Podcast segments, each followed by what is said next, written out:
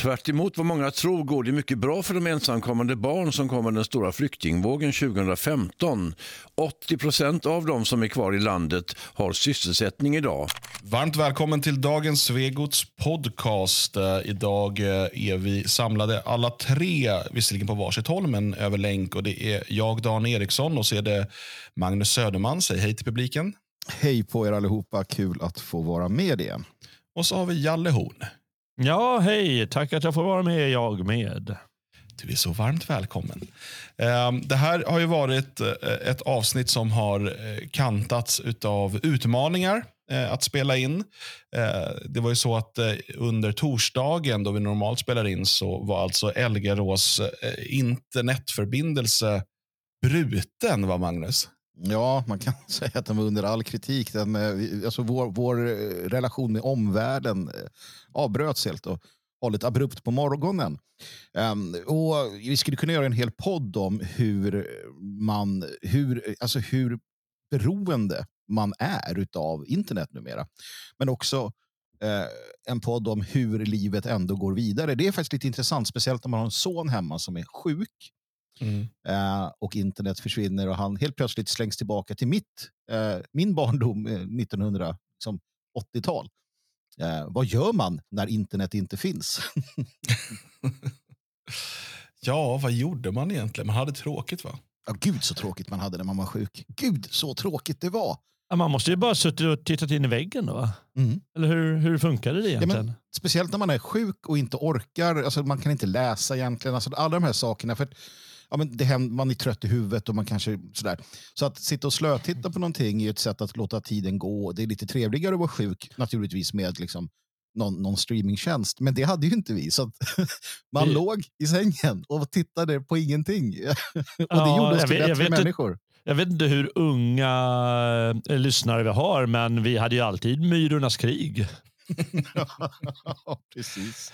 Jag vet, jag undrar var gränsen går för att man vet vad det är. Ja, men det är rätt kul det du säger. Alltså det fanns en period i mänsklighetens historia då tvn tog slut. det vart inget mer. Jag kommer ihåg att eh, nymodigheter som TV4, de avslutade alltid sina sändningar, när, när det var slut på kvällen, då spelade de ju nationalsången. Kommer du Just det, Mm, ja, det kommer jag mm. ihåg. Gjorde de. Eh, som en, som en sån här avrundning, nu är det slut. Eh, och på SVT då var det ju ofta bara att efter sista programmet, kanske att den här hallåan sa någonting och sen var det ju bara Myrornas krig. Mm. Vilket alltså inte är någon spännande science fiction-film, utan det är alltså brus. Ja, det är brus. I, i både visuellt och uh, Audi. Jag kan är- ärligt säga att jag nog har tittat på det där Myrornas krig lite för länge.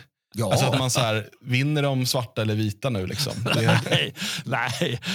det man ser där är ju fascinerande. Jag hör, hör, hörde det eller läste det eller såg det på någon sån där dokumentär. Det, det du ser är ju någon form av så här universums bakgrundsstrålning. Det är så här Big Bang och grejer som, som liksom eh, sändes in på något sätt när det inte fanns något annat som togs emot. Så det är ju lite spännande att vi har suttit och tittat på det i alla fall.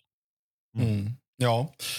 Um, jag kommer helt tänka på när man kunde få in TV1000 men man inte hade sådana dekoder utan det var typ Myrornas krig men man kunde se konturerna av eh, natt, nattliga sändningar på TV1000. Var det det som kallades blåporr? ja, jag tror det. Men eh, det är inte det vi ska prata om idag va? Nej, det ska vi inte göra. Eh, nu eh, får vi höja nivån lite Ja. grann här. Kan Nej, jag kan ju bara säga också att eh, jag E2. själv gick ju och blev sjuk eh, i samma veva. Jag har åkt på någon typ av mag, eh, magsjukdom eller någonting. Jag vet inte, inte någon vinterkräksjuka, men, men tillräckligt illa för att jag ska känna mig ganska låg på energi och jag har väl inte kunnat äta någonting på 24 timmar. Så att Mm. eh, om jag liksom somnar till under, sändningen- under inspelningen så får ni eh, ursäkta mig helt enkelt. Men eh, det är inget som stoppar oss, utan nu är det fredag morgon när vi spelar in det här.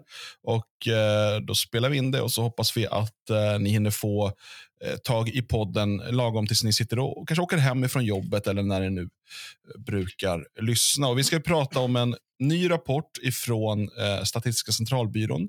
Den heter Ensamkommande barn 2015, boende, utbildning och sysselsättning 2022. Eh, och Den här eh, har ju blivit eh, ganska omtalad i media och den används nu som ett argument för i stort sett öppna våra gränser. Ehm, vi, eh, vi har som sagt läst igenom rapporten och det finns en hel del att anmärka på eh, i hur, hur den är utformad. Ehm, men kanske ska vi först då titta på hur gammelmedia och invandringsförespråkare har eh, tagit emot den och hur de har valt att eh, liksom presentera den.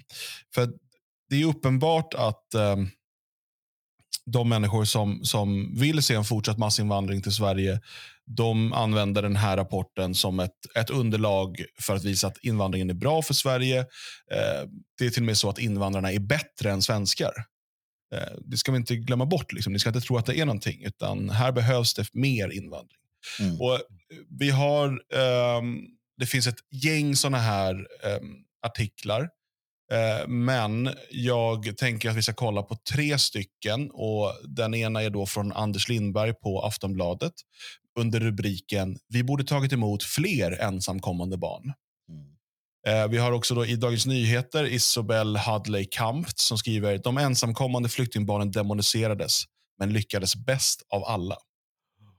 Och sen har vi då Dagens Arena som skriver ensamkommande försörjer sig bättre än andra. Ni hör ju vilka fantastiska invandrare det här är. Ja, ja helt fantastiskt. De är inte bara bättre än svenskar, de är liksom bättre än andra invandrare också. Ja, ja verkligen. alltså, helt otroligt. Svenskarna måste vara sämst alltså. Ja. Jag tycker att eh, någonting man kan se ganska tydligt också, vilket är problematiskt.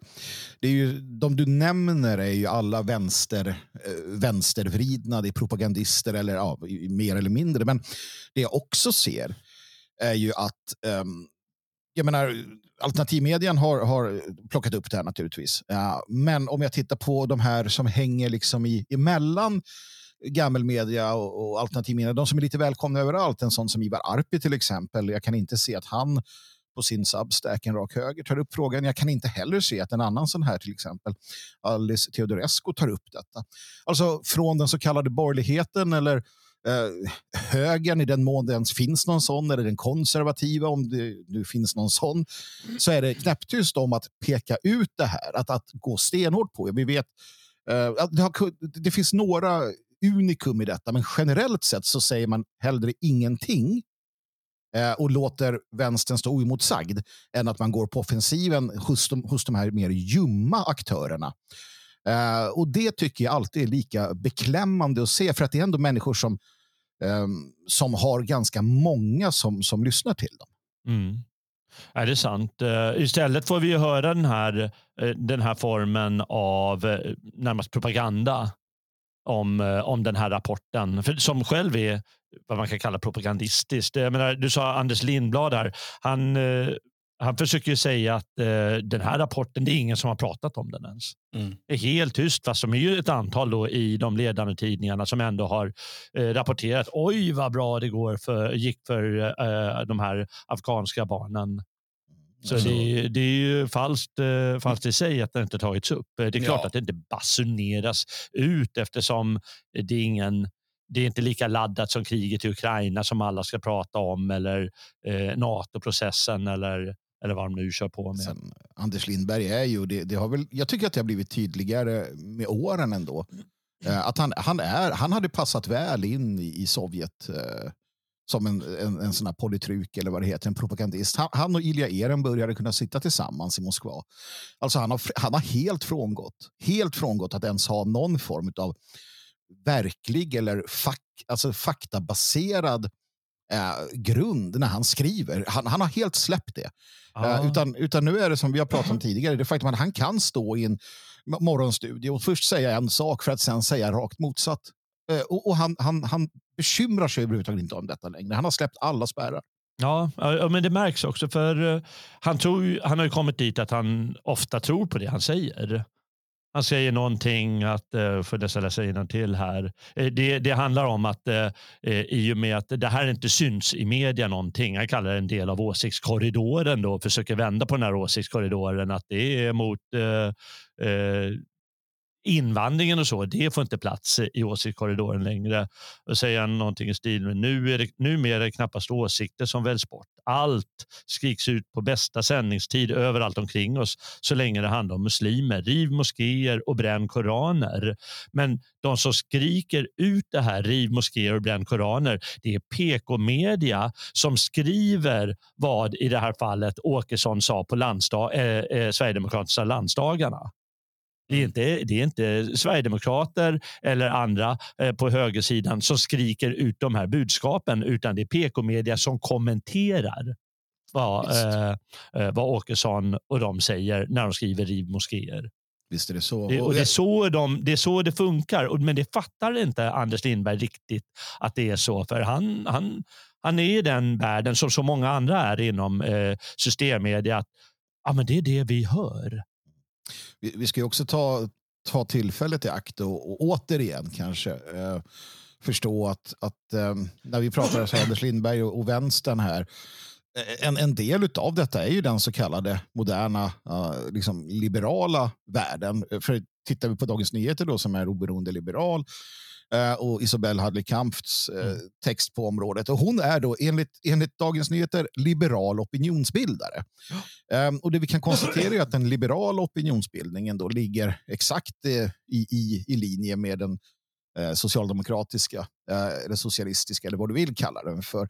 För att hon utgår från exakt samma ehm, tankemönster och exakt samma idévärld faktiskt. Ehm, och, och hela den här, eh, den här eh, att, att också få in någon form av att, att eh, svenskarna är dåliga. Det är intressant, för till och med ingressen, hon kanske inte är ansvarig för ingressen, jag vet inte. Men eh, det står 8 av 10 ensamkommande pojkar har idag sysselsättning. De skiljer därmed ut sig både från ungdomar som fötts i Sverige och de som invandrat hit med sina föräldrar. Vad säger det om svensk integrationspolitik? Ja. Meningen här är ju att vi ska tänka att ja, de här är till och med bättre än svenska barn eller svenska ungdomar på arbetsmarknaden. Det är ju en fullständig absurd eh, utgångspunkt. Men, och det, kan, det, det behöver inte vara det man menar naturligtvis. Eh, men att man, att man skriver på det sättet går ju ut på, och det har vi sett i andra eh, kommenterande artiklar också, att de här afghanska eh, flykting, ensamkommande afghanska flyktingbarnen, de är till och med bättre än Kalle och, och, och Lisa. Ja, ja ja eh, alltså, den här sortens propaganda den, den spinner på av sig själv eh, genom att de automatiskt eh, tar det här perspektivet. När de läser den här rapporten eh, från SCB, då gör de ju det aldrig med kritiska glasögon. För de vill så gärna att budskapet ska stämma och de vill så gärna fläska på det här budskapet på ett sätt som till exempel eh, Anders Lindberg gör när han säger eh, i Sverige startade snabbt eh, Eh, när de kom, de här så kallade som man säger skäggbarnen. Eh, när de kom i Sverige startade snabbt en debatt om hur man skulle kunna mäta deras ålder. Eh, barn var man ju tvungen, eh, tvungen att ta särskild hänsyn till så var de inte egentligen vuxna. Och vad han vill, vad han vill eh, eh vad han syftar på är givetvis någon form av skallmätning i det här fallet. Eh, Att vi har gjort övergrepp på de här barnen som kanske inte var barn eh, egentligen eftersom man undersökte deras tänder för att fastställa deras ålder. För det var lite tveksamt om den här eh, Ahmed var, verkligen var 14 år när han ser ut att vara minst 25 eller 30. Mm. Ja, och, och det där är ju också en, en eh, sak som man ser hur, hur, eh, hur verkligheten upprepar sig, eller, eller samhället upprepar sig. För jag menar, vi minns kanske alla, vi som tittade, den här sketchen, det här inslaget om Akropolis. Um, vad var det? Var det, var det Jag tror att det är Percy tårar. Percy Tårar, ja. Mm. Där man, där man låter ett svenskt basketlag då spela mot ett, ett invandrarlag, så att säga, där alla är två meter långa och har skägg. Eh, och, och, och så här, själva... När då- är fem och de är fem. Ja, precis. När, när tränaren eh, liksom ifrågasätter det här så blir det så här, eh, anklagelser om rasism och liknande, att det här är barn och så. Det, det är liksom någon gång 90-talet. Så, så att, att, att, man, att, man helt, att man inte brydde sig om det här med ålder och liknande redan då, det är ju något som är självklart. Och sen så lyfter man det då 20 år senare eller någonting på Ja. samma sätt. Liksom. Men, men vad som händer när man he- helt har fastnat i det här narrativet att oh, men det här måste ju vara sant. Att de lyckas bättre än svenskarna. Ja, nästan alla invandrare verkar ly lyckas bättre än svenskarna på arbetsmarknaden. Det är då man tror blint på att eh, en grej som är som den här rapporten inte tar upp, nämligen det här med att eh, de har gymnasieutbildning. Mm. För det första är ju löjeväckande. Jaha, de har, de, man vill få det till att de har... Där var det slut på smakprovet. Hela programmet är mer än en timme långt. Om du vill lyssna på det, och det vill du, bli stödprenumerant på dagens Svegot inne på svegot.se support.